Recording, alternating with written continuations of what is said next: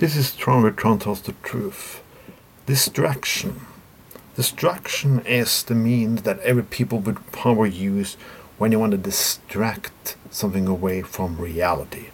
What I mean about that? Yes. When poverty and greed is going on, let's talk about anything else, like religion or bullshit like that. Uh, in the meantime, lately they're talking a lot about drag queens. Drag queens doing this and drag queens doing that. They laws to censor drag.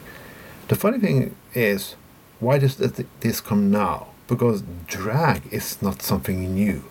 There have been drag show for years. We have drag stars for years. From the early 80s, I can fucking remember as I was a kid, and now I'm 48. So, this is a distraction. We're talking about woke. Like, woke is everything right now. Star Trek is starting to get woke. People found out that Star Trek is political. Yeah, oh wow. Wow. Do you find it now? Star Trek has been political since the 60s.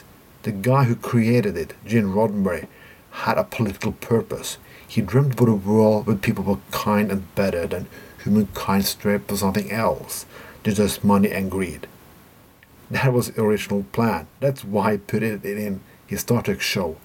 Even in the 90s in Deep Space Nine, in an episode of Unions. Yeah. But suddenly somebody found out that Star Trek is political. It's part of the woke moment. I don't even think what people know what woke means because woke is now everything. Just say something is woke.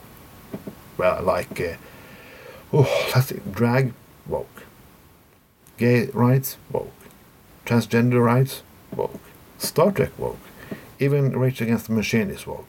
I wonder when people start attacking Public Enemy for being political. yeah, you see the humor here. They have, they have a song called Black Steel about how pe- black people are treated in the military, and now, yeah, you know, maybe somebody conservative listen to this fucking segment and get inspired, like, oh, is Public Enemy political? It's always funny when Rage Against the Machine got it. Yeah, it's like there was some hidden message in their songs. But conservatives, again, never understand. The US Navy ones used the song in the Navy for village people to recruit people to the, to the Marines. Village people.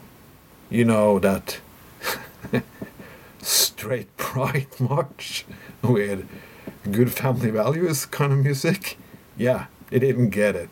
They never get it. If you listen to old songs from jazz artists, so many from Louis Armstrong to Billie Holiday to Nina Simone, you got you got woke, and you got sex, and you got drugs. They just talk a little bit different about it. It's the same shit. So why is this now? Because they want to distract us from something else. What it is? Well, you can see what's going on.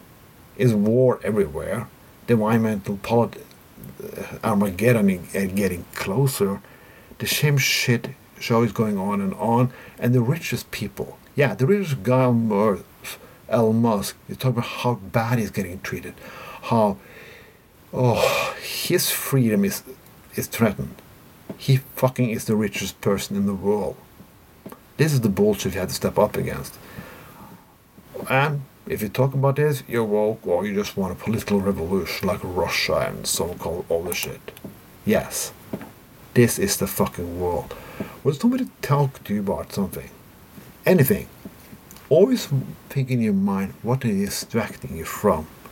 It's like when you try to come home to your wife and tell, why is there new records in your shelf?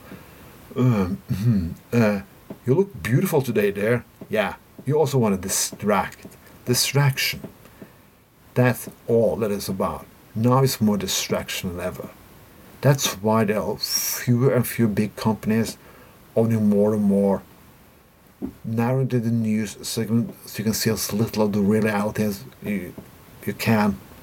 And just getting your fucking sheep minds to follow their order and pretend it's the government's fault. This was Tron, but Tron tells the truth. Have a nice fucking weekend.